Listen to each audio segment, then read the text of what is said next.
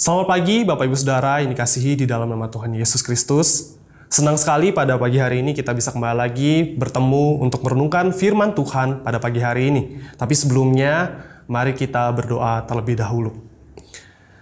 Bapak kami mengucap syukur pada pagi hari ini kami bisa bertemu lagi dan akan kembali lagi merenungkan firman-Mu. Kiranya pimpin hati kami, pimpin pikiran kami supaya kami bisa mendengarkan firman-Mu dengan baik. Hanya di dalam nama Tuhan Yesus kami berdoa. Amin. Tema hikmat pagi pada pagi hari ini adalah roh berdoa bagi kita yang diambil dari Roma 8 ayat 26 yang berbunyi demikian. Demikian juga roh membantu kita dalam kelemahan kita sebab kita tidak tahu bagaimana sebenarnya harus berdoa. Tetapi roh sendiri berdoa untuk kita kepada Allah dengan keluhan-keluhan yang tidak terucapkan. Demikianlah firman Tuhan pada pagi hari ini.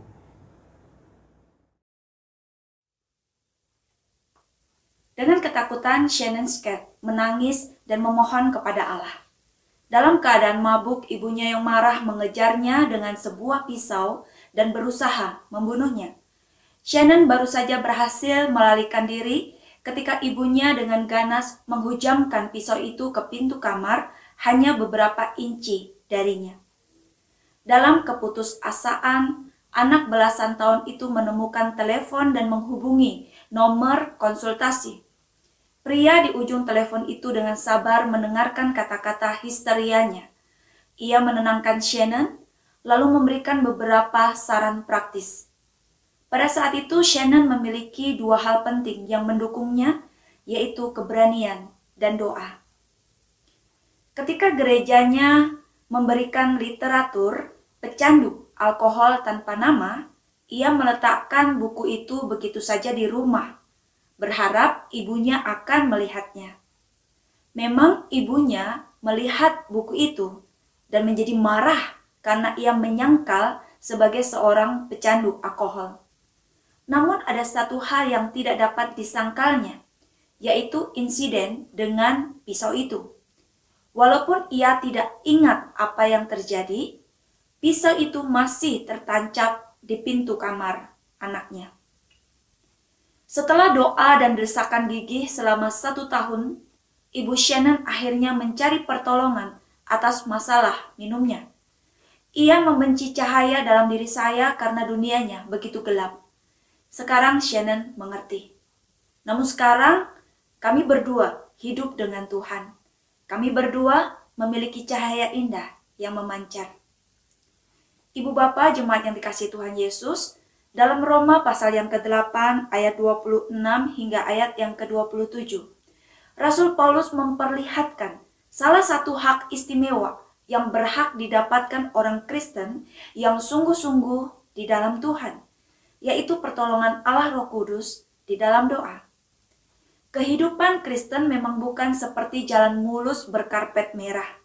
Namun orang Kristen memiliki Roh Kudus yang berdiam di dalam dirinya di tengah pergumulan dan penderitaan hidup, ia menjadi jaminan bagi anak-anak Tuhan.